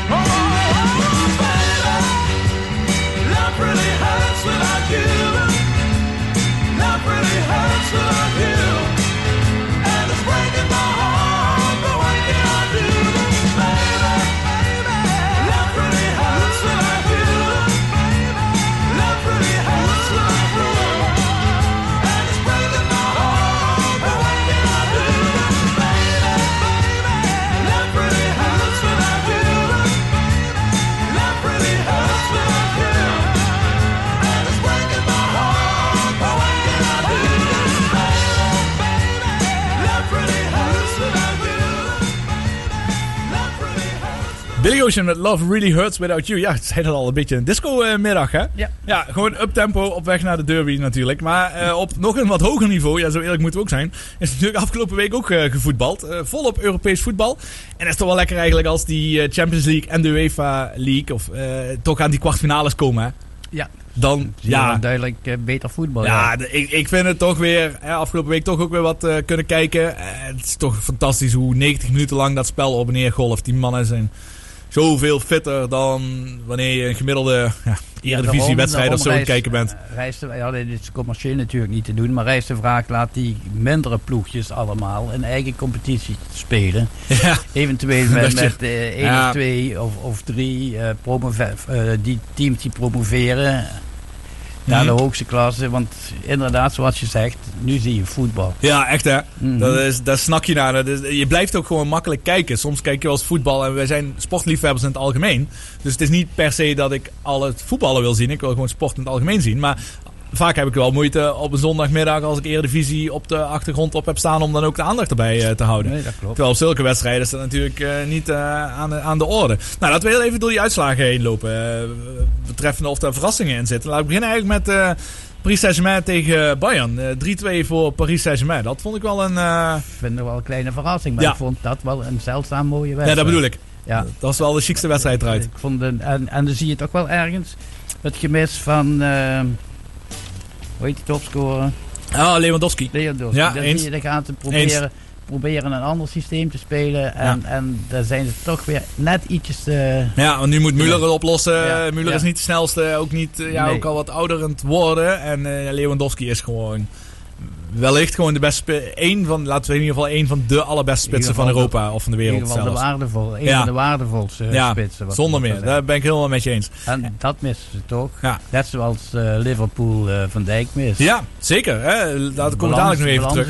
Ja, precies, precies. Zie je toch hoe sommige... ook het balans is uit het elftal. Ja, eens. eh, toch bepaalde sleutelspelers die bepalen toch heel veel. Hè? En dan als je Paris Saint-Germain pakt, dan draait tegenwoordig alles om eh, Kylian eh, Mbappé. Wat is hij snel, hè? Oh man, en daar komt zoveel gevaar vanuit. En die man die, die, die scoort ook gewoon vanuit iedere hoek. En met name als je dan die 3-2 eh, ziet. Ja, dat is prachtig. Prachtig. Eh, hij, hij, hij ontsnapt. Eh, hij staat eigenlijk nog tegenover twee verdedigers. En hoe hij dan, ten eerste dat hij naar binnen trekt, oké. maar is die schijnbeweging wat hij nog even maakt. Waardoor die verdediger uitstapt. En hij vervolgens met een ja, verdekt schot in die korte hoek gewoon Neuer kansloos laat. En Neuer is natuurlijk al een van de allerbeste keepers ook. Behalve bij de Behalve bij de eerste goal. Maar Ja, was hij ook gelukkig. Maar inderdaad, zoals je zegt, hij deed dat helemaal bewust. Ja, dat vind En ik ook. he- Heel hoog niveau. Ja, terwijl eh, bij onze collega's van eh Veronica Site was niet iedereen erover eens dat... ja, eh, ja. maar goed, daar gaat het om andere dingen ook. Maar ik ben ook mee. Ik vond het echt een geweldige goal. Dus 3-2 voor Paris Saint-Germain. Mhm. Dat wordt een flinke kluif voor de recordmeister, voor Dat- Bayern, volgende week. ja. Zeker omdat die uitdoelpunten dubbel tellen. Wel, het voelt gewoon niet alsof ze uitwedstrijden aan het spelen zijn. En dat zie je nee, ook terug in de resultaten. Ja. Eh, want ik, ja, dat zie je ook Mhm. terug. Kijk, eh, goed. Dan eh, de dag eh, daarvoor was dat Real Liverpool. Heb je daar wat van gezien? Ja, dat was Real te sterk voor. Wat ik net zei, ook de balan- balans in, bij Liverpool is, is, is, is weg. Ja. De opbouw van achteruit Ja, het is toch minder. overzicht minder. en, Real spelen, ik ben niet zo'n fan van Real. Door het soort voetbal, maar ze spelen de wedstrijd gewoon goed. Ja, ik heb de El Clasico gezien. Daar komen we straks nog wel even op terug. Maar daar was ik toch ook wel onder de indruk van eh, Real. Niet iedereen trouwens, maar ik wel. dus dat was 3-1. En verder Manchester City tegen Borussia Dortmund. eh, 2-1 is dat eh, geëindigd. Heb ik niet gezien. Nee, en eh, Chelsea staat 2-0 voor tegen Porto. Dat lijkt me redelijk gunstige loting voor Chelsea inderdaad. Dat je Porto, ah, wel, ja, iedereen is goed en iedereen verdient om daar natuurlijk te staan. Maar met name Paris Saint-Germain tegen Bayern München. Daar ben ik wel heel benieuwd naar hoe die tweede wedstrijd gaat Mhm. aflopen. Ja. En natuurlijk ook Borussia Dortmund in hun eigen stadion dan daar tegen Manchester City. Maar Manchester City heeft ook echt een fantastisch team gewoon. team, ja. ja, dat Ja. is ongelooflijk. Toch ook weer eh, Guardiola die overal waar hij komt, doet hij het goed. Maakt hij wel iets van. Toch, hè, dat is toch knap. Dat, maar eh, ja. moet wel een, een hele zak geld achter de hand hebben. Redelijk ongelimiteerd. Maar Ja. toch moet je het maar doen. Ik bedoel, Ja, hij heeft het natuurlijk ook gedaan eh, bij Barcelona en eh, ook bij Bayern München. Heel aparte man, hè. Ja, bijzonder. Ja. zijn gedragingen. Ja, ja, bijzonder. In het- in het- Ja, en dan hebben we nog één wedstrijd waar we als Nederlanders natuurlijk heel erg naar uitkeken en naar het kijken waren. Dat was Ajax, die thuis speelde tegen AS Roma. Ajax komt er 1-0 voor. Ik vond het trouwens wel heel mooi van Tadic dat hij die bal nog teruggaf op Klaassen. Dat zie je niet vaak. Dat iemand nog die, dat overzicht heeft en niet zelfzuchtig is. En zeg maar de een, het 1-2'tje aangaat. En niet voor eigen succes gaat. Volgens mij schrok eh, Klaassen zelf nog ervan. Want die kon er nou en nooit nog maar die bal eh, intrappen. Mhm. Eh, dat was niet ongelukkig. Maar het sleutelmoment wat mij betreft is dan toch wel die penalty wat Tadic krijgt voor de 2-0. Ja, die mis die. Maar ja, die kunnen het penalty missen. Nee, ja, dat- maar dat was- bedoel ik ook niet. Ik Dat was niet dat wel het- het, breekpunt Ja, dat de bedoel ik. wedstrijd. Dat is de mentale breekpunt. Ja, ja, Eh, ja. En dan heb je vervolgens nog de pech dat eh Scherpe die bal eh, dan laat gaan bij, die, bij die vrije trap. Mhm. Dat is jammer. maar ja, als je 2-0 voorkomt, dus, loopt die wedstrijd gewoon anders. Want Ajax Ja, was wel goed aan het spelen. Ja, ja, redelijk goed. Ja, Ja, ik bedoel, goed genoeg om in ieder geval Mhm, 2-0 ja, ja. voor te komen. En dan Tot- inderdaad die tot op penalty. dat ogenblik ging het goed. Ja. Daarna hadden ze geen, niet de kracht om een vuist te maken. Nee, om, het, eh, het was mentaal was het ja. wel echt, echt een klap hè, dat die penalty niet, eh, viel, niet erin ging. Ja. En dan krijg je in de laatste eh, secondes, de laatste minuut eigenlijk, krijg je die bal ook nog om je oren. Wordt het ook nog 2-1. Alleen ja, op dat moment voelt het al niet meer dat het dan nog heel erg is. Want 1-1 of 2-1, dan ja, 1-1 was ook een eh, teleurstelling. Dus ze weten in ieder geval wat hun te doen staat. Laten we hopen dat ze een beetje weer eh, de oude elan van eh, de Champions League, zowel eh, waar ze die achterstand tegen Real Madrid deden, ombuigen. Maar ook toen tegen Juventus hadden ze ook thuis 2-1 eh, verloren. En eh, toen eh, rolden ze die op. Dat waren wel nog in volle stadions. En toen speelden ze ook beter. Ja, natuurlijk. Waren ook betere spelers ook nog. Nog betere spelers. Mhm. hè, met Frenkie de Jong erbij. En eh, ja, er zaten nog meer spelers. En, en waar ze natuurlijk wel problemen mee hebben... eh, is natuurlijk ook wel eh, de blessurelijst. dat. Eh, ze missen Onana sowieso. Een fantastisch ja. beste keeper van Nederlands, eh, in de ja. Nederlandse eh, eredivisie. Maar ook in Daily Blind missen ze toch Qua ook in de opbouw, ja, absoluut. En zo zijn er volgens mij nog een paar anderen die, die, die er niet bij kunnen zijn. Ja, dan, dan, dan kan het gewoon eh, helaas voor hun even misgaan. Ja, Klopt. Goed, heb je nog iets verder over te zeggen, Filip? Over... eh, Buitenlands voetbal. Eh, in ieder geval Champions League. Want we gaan dadelijk even nee. de competities nog even langslopen. Zowel de Nederlandse als de buitenlandse competities. Maar Nee. voordat we gaan doen, gaan we even weer wat eh, muziek draaien. We gaan eh, een plaatje van Oasis draaien. Hebben we ook een tijdje niet meer gedaan. Een van hun allereerste hits eh, was dit. Ehm, was, ik weet even niet meer of het van hetzelfde album is dan andere grote hits. Maar in ieder geval is het Live Forever van Oasis. Maybe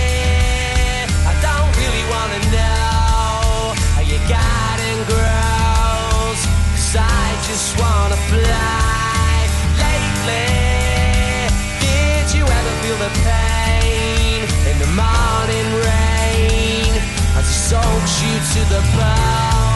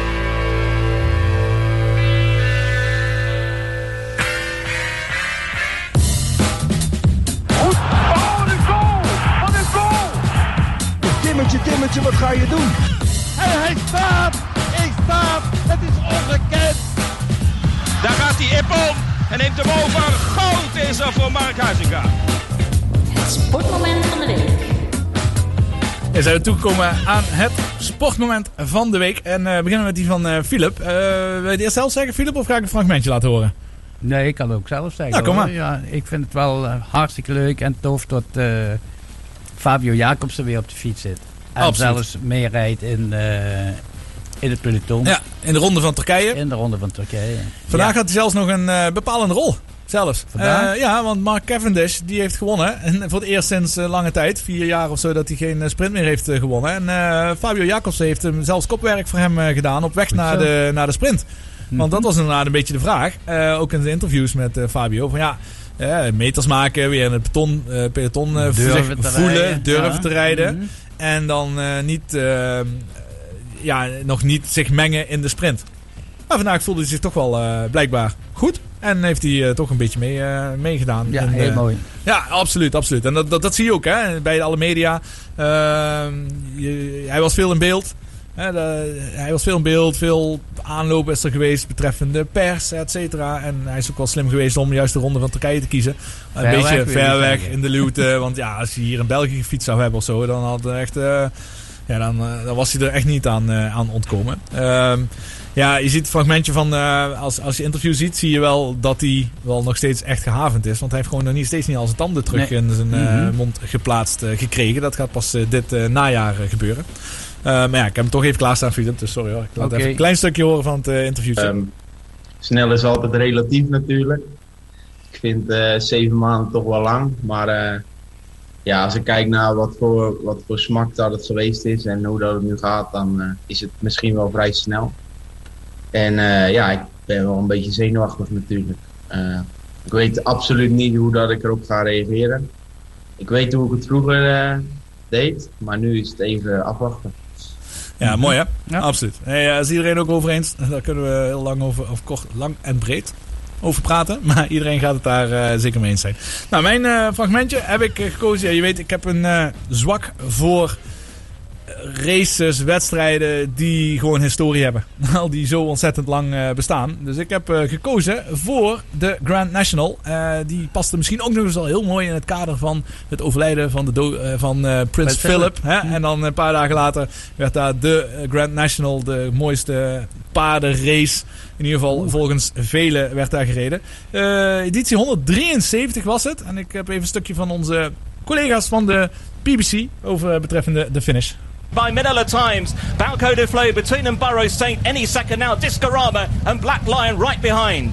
Jet is running his race. It was a gallant race, but he's fading back through the field swiftly. Balco de Flo with the orange cap. Burrows Saint in the pale pink silks. Manila Times, the star on the cap on the right for Rachel Blackmore. And she lands just in front over the second last Rachel. It's Manila Times from Balco de Flo. Burrows Saint any second now. The hoops with the white cap staying on. Then Discorama. Here's the final fence in the Randox Grand National. And over in front and over two, three lengths clear Manila Times from Balco de Flo. Any second now continues to stay on. Burrow Saint wandering out into the centre of the track. They head towards the elbow with over a furlong to cover in the national. But it's Rachel Blackmore and Manella Times who are out four lengths clear of Balco de Flo. And any second now, Burrow Saint back in fourth is running on empty. 150 yards to go in the national. Manella Times for J. McManus, Henry de Bromhead, and more significantly, Rachel Blackmore. History in the national. Manila Times wins. ja, hij was iets langer dan ik gedacht had trouwens. ik dacht dat hij wat korter was. Maar ik, ik moest wel denken aan zo'n, eh, weet je, die luidsprekers wat dan zo naast het, eh, naast het veld staan. Waar dan zo'n stem doorheen komt. Zoals je vroeger bij de ridderronde ook had, weet je. eh, ja, ja, precies, precies. Zo'n soort commentaar wat daar dan bij hoort. Maar ja, goed. Jij weet ook het antwoord hierop. Maar wat is het meest bijzondere van deze winnaar? Ja, het is de eerste keer dat een vrouw wint. Precies. In Ja. al die jaren. Ja, in al die jaren. En Sinds 1975 is het ook toegestaan voor vrouwelijke jockeys om, eh, Mee te om mee te doen. Mhm. En dat eh, inderdaad, zij een vrouwelijke winnares, wat, wat heel gaaf is en heel knap is. Ik weet nog wel van vroeger, toen ik dan nog klein was, de- de- met die, die Zijn het die, die hindernissen waar ze overheen springen? Zijn dat, lijkt erop alsof ze gewoon een hoop dennenbomen naast elkaar op de grond hebben gegooid? Of zijn dat echt... Het zijn, het zijn echte hagen. Hagen. daar, ja. Maar er zijn ook veel eh, paarden die ten eerste gesneuveld zijn, ja. gesneuveld zijn Ja, ja, daar. Hè? Daarom, jij zei van een van de mooiste races, eh, maar... Ja, eh, op, op hu ja, humaan gebied betre- betreffende dierenmishandeling eh, misschien niet helemaal. is weer inderdaad. een ander verhaal, ja. Ja, want er zijn inderdaad wel veel die... En ik heb me laten vertellen ooit een keer dat ze met die zweep op hun eigen laarzen slaan en niet op het paard. Oké. Ja. Ik zag wel net eventjes dat ze inderdaad met die zweep aan eh, het slaan daarom. waren. Dat zou ik goed denk zijn. als je zo hard op het paard slaat dat er die andere kant uitgaat. Hè.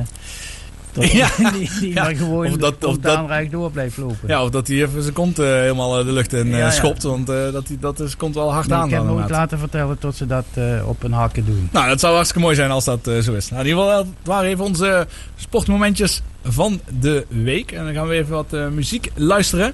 Ehm Ultravox. Dancing with Tears in My Eyes. Toch een beetje, niet helemaal disco, hè, Philip? Nou. Klein beetje. Wel lekker up tempo. In ieder geval, tot zometeen.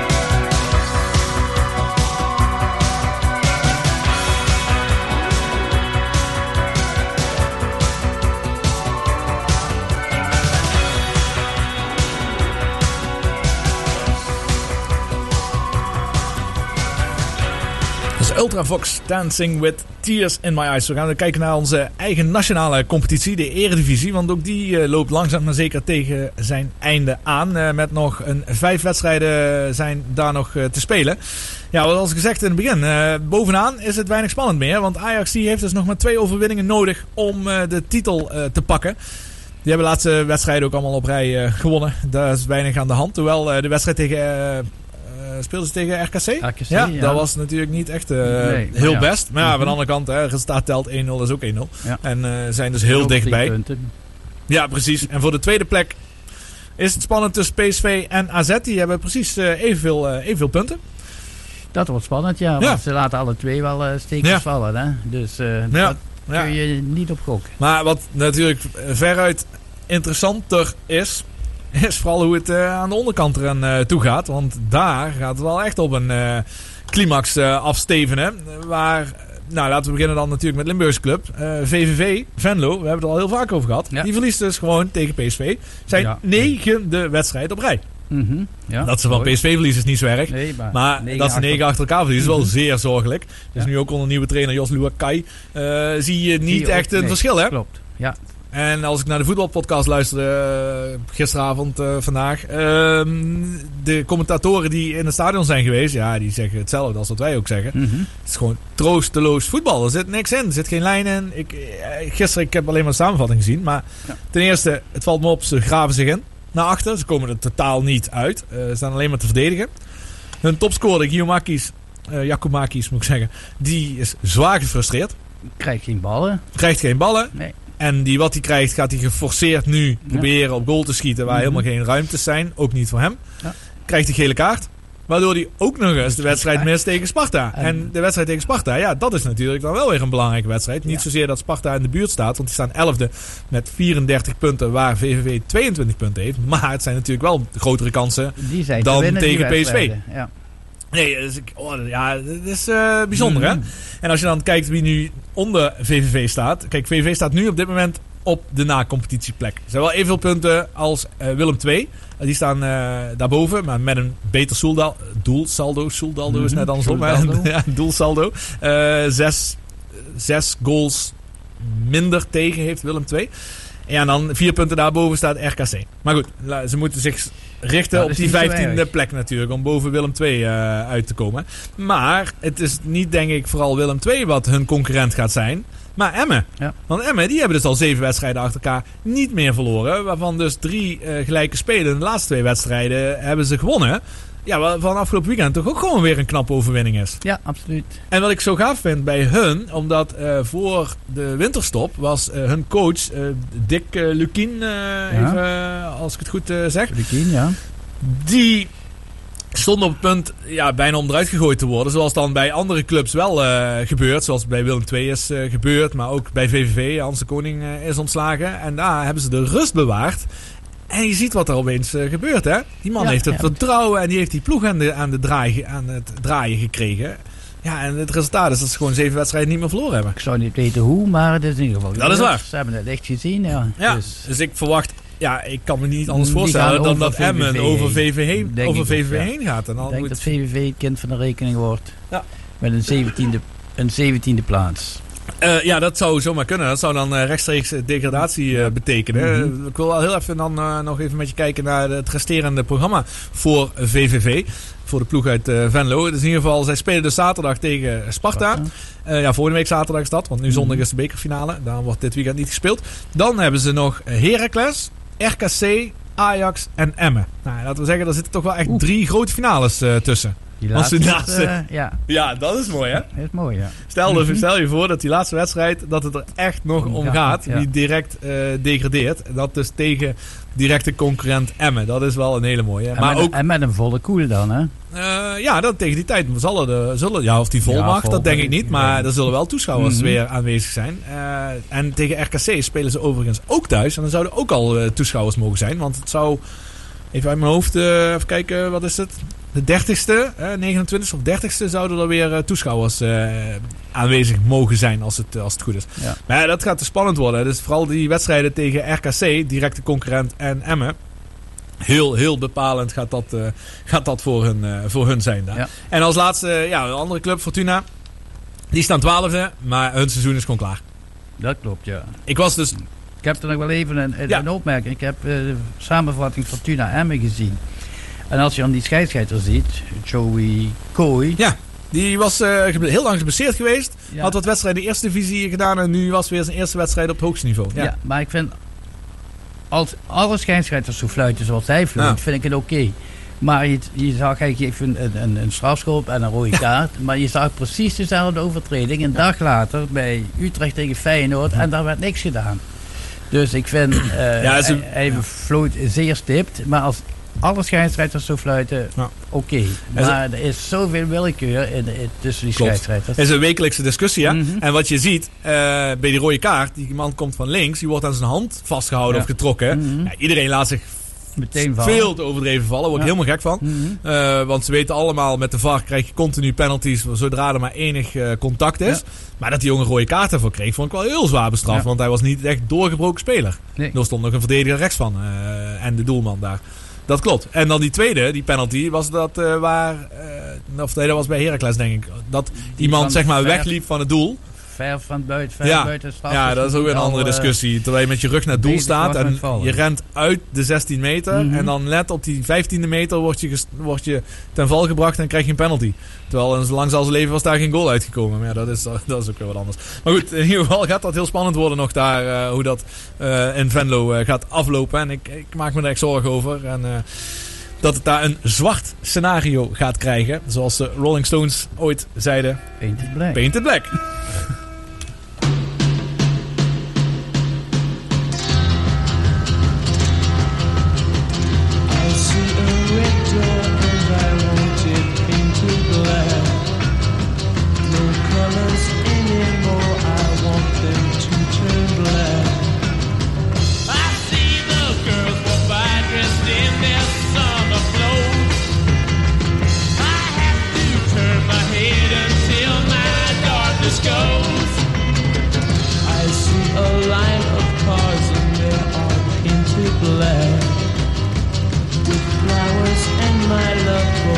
never to come back.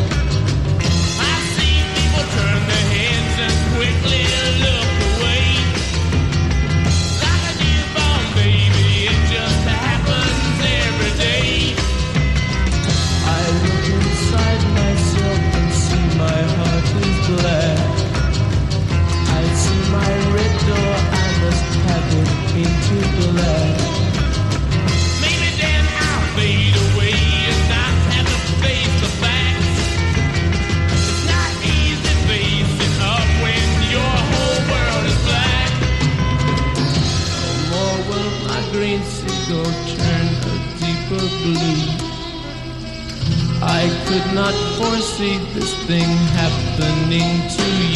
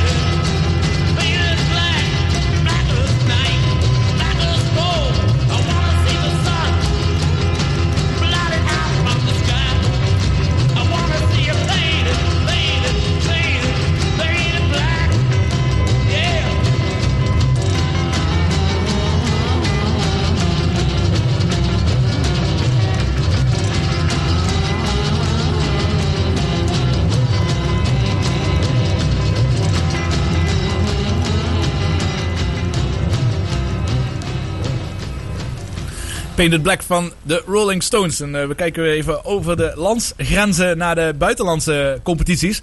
En dan is zonder twijfel natuurlijk La Liga de competitie die we het meest in de gaten houden. Want dat is gewoon zo ontzettend spannend. Eh, met eh, Atletico Madrid op de eerste plek. Eén punt voor op Real Madrid. En één punt daarvoor achter staat Barcelona. Waarbij afgelopen zondag natuurlijk El Clasico was. Ja, Barcelona tegen Real Madrid. Eh, in Madrid gespeeld. Op, met alle respect, een, een, een, een trainingsveld. Ja, want ze zijn eh, Stadio Bernabeu zijn ze aan het eh, verbouwen. Wat natuurlijk heel slim is, want er mag toch geen publiek binnen. Dus dan is nu een goed moment om dat te verbouwen. Dus ze spelen op een trainingsveld. Nou, het is misschien groter dan de Geuselt. Qua toeschouwersaantallen. Als je ziet, maar het, het is surrealistisch om een eh, El Clasico te spelen op een eh, oefenveld. En dan regende het ook nog eens keihard. Dus het, het, het was echt treurig. Maar ik moet zeggen, ik heb wel echt genoten van, van toch wel van die wedstrijd. En, en waarom dan? Mijn beeld hierop is... Kijk, Barça speelde een 3 3-5-2 opstelling. Hè. Ze hebben dan eh, Jordi Alba en eh Jorginho Dest hebben ze dan als, als, als vleugel verdedigers. Maar eigenlijk zijn het gewoon middenvelders slash eh, aanvallers. Want ze staan alleen maar voorin. Eh, om eh, natuurlijk Messi en eh, Dembele in de spits te bedienen.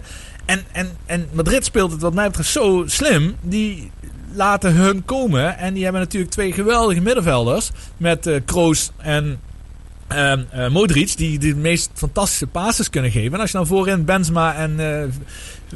hoe, kom even niet op Vinicius. zijn naam. Vinicius Junior. inderdaad. Die zijn zo snel. Terwijl ja, Barcelona staat niet bekend om zijn snelste verdediging. Ja, het was gewoon dik countervoetbal. En wat mij betreft had eh, Real nog dikker kunnen winnen van Barcelona. Eh, en het is prachtig om te zien hoe Barcelona combineert. En of het nu een eigen 16 is tijdens het uitverdedigen. Of eh, de 16 van de tegenstander. Maar uiteindelijk tot echt gevaarlijke schoten komt het niet. En dat werd nog op het laatste spannend omdat eh, eh, de, de speler van Barcelona de bal op de lat trapte. En Ter Stegen was mee en die schoot de rebound nog vol op zijn slof tegen een andere speler aan. Ja, en daardoor bleef het 2-1. Maar wat mij betreft had het veel hoger kunnen aflopen. Maar een ander dingetje daarnaast, want jij hebt hem volgens mij niet gezien, hè Philip? Nee. Nee, dus een ander dingetje daarnaast. En dat heb ik net zoveel van genoten, is Louis van Gaal.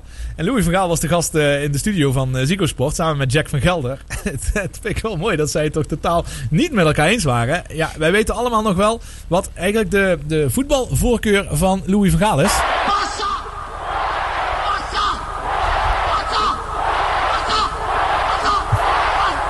ja, dat was toen hij natuurlijk landskampioen is geworden met Barcelona. En die liefde voor Barcelona, die bleef ook gewoon in zijn analyse continu overeind. Terwijl Jack van Gelder toch echt het iets anders heeft gezien. Dat is even een kleine discussie van deze twee heren. Maar ja, ja, ik zit hier toch wel met een eh, eh, gebroken hart. Want eh, eh, ik Ja, vind om- dat omdat eh, Barcelona in principe een, een, een betere eh, wedstrijd eh, tactiek heeft.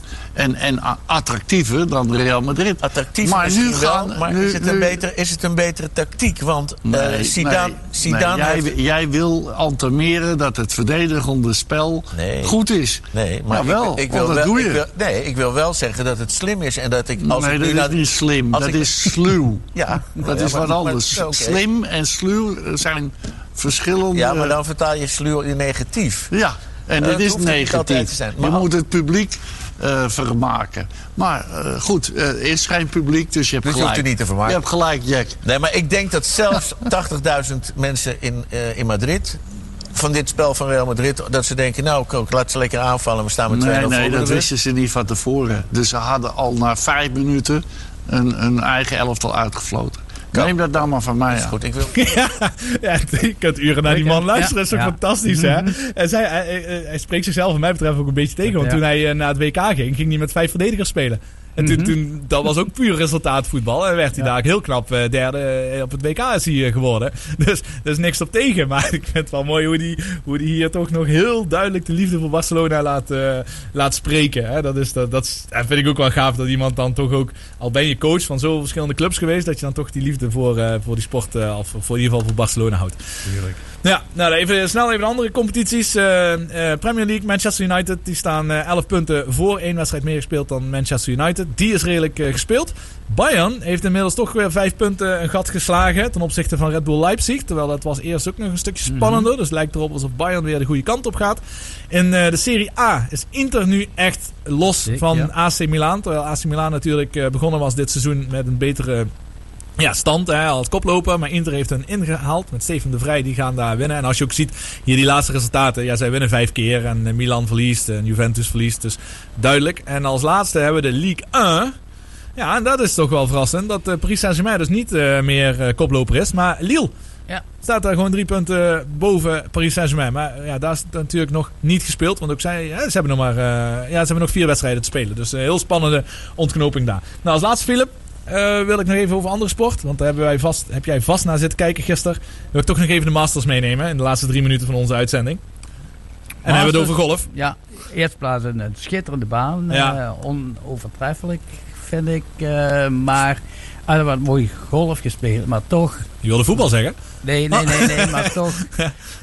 Ja? Kijk je heel anders naar golf als eh Tiger niet meedoet. Het is precies hetzelfde als je naar Formule 1 kijkt en Verstappen doet niet mee. Of dat je naar wielrennen kijkt en, en Van der Poel doet niet mee.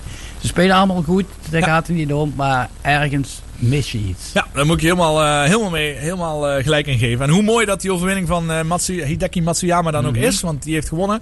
En dat is de eerste Japanse golfer die een major wint. En de eerste Aziat die de Masters wint. Hoe mooi dat ook is. Ja, het is inderdaad waar. Het is niet de euforie eh, die, die je normaal Oh, dan zou, zou voelen wanneer eh, bijvoorbeeld eh, ja, Tiger Woods, wat je zegt, eh, doet. Ja. Alleen de Japanse commentatoren die zullen het daar niet helemaal met jou eh, over eens zijn. Denk ik.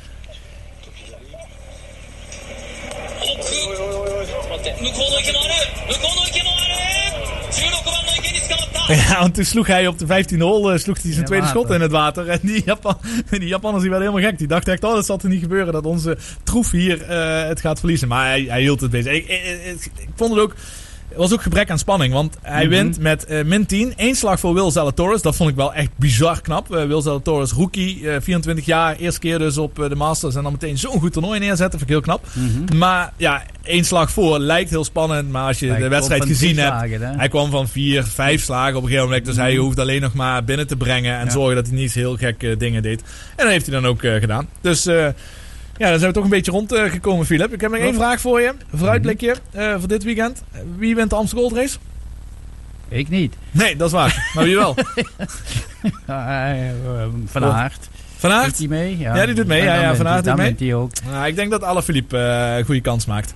Eh Wilco Kelderman staat ook op de lijst eh, trouwens om eh, mee te rijden. Maar ik denk Alaphilippe eh, een goede kans maakt op dat eh, eindeloze klimwerk in 13 eh, rondjes. Dat wordt eh, heel interessant om op televisie te kijken. Eh, de bekerfinale Ajax-Vitesse, Philip. Ajax. Ja, hoeveel? Duidelijk? 3-1. 3-1, oké. Ja. Ehm, Bij je VI aandoen. ja, nee, ja, het- het- net alsof we de toto hebben. Ik denk, nou, ik heb, ik, heb ik ook eens iets om jou op terug te pakken volgende week. Als we er zijn. Dus, eh, nee, oké, dus dat zijn dingen wat er gaan zijn. En in Monte Carlo wordt een mooi tennistoernooi gespeeld. De Masters 1000 met Djokovic en Nadal. Maar goed, belangrijker voor ons is wat er dadelijk, eh, zo dadelijk staat te gebeuren. En dat is natuurlijk de derby van het zuiden. Dus eh, de mannen van Café Usmestreeg, die hebben een programma vooraf opgenomen. Dus we hebben lekker wat eh, muziek om in de stemming te komen voor MVV. En dan vanaf 7 uur zijn we, ben ik in ieder geval weer terug. Samen met Cookie Voren en Sjoerd Winkens voor de derby van het zuiden. MVV Roda. En veel succes en veel plezier daarmee.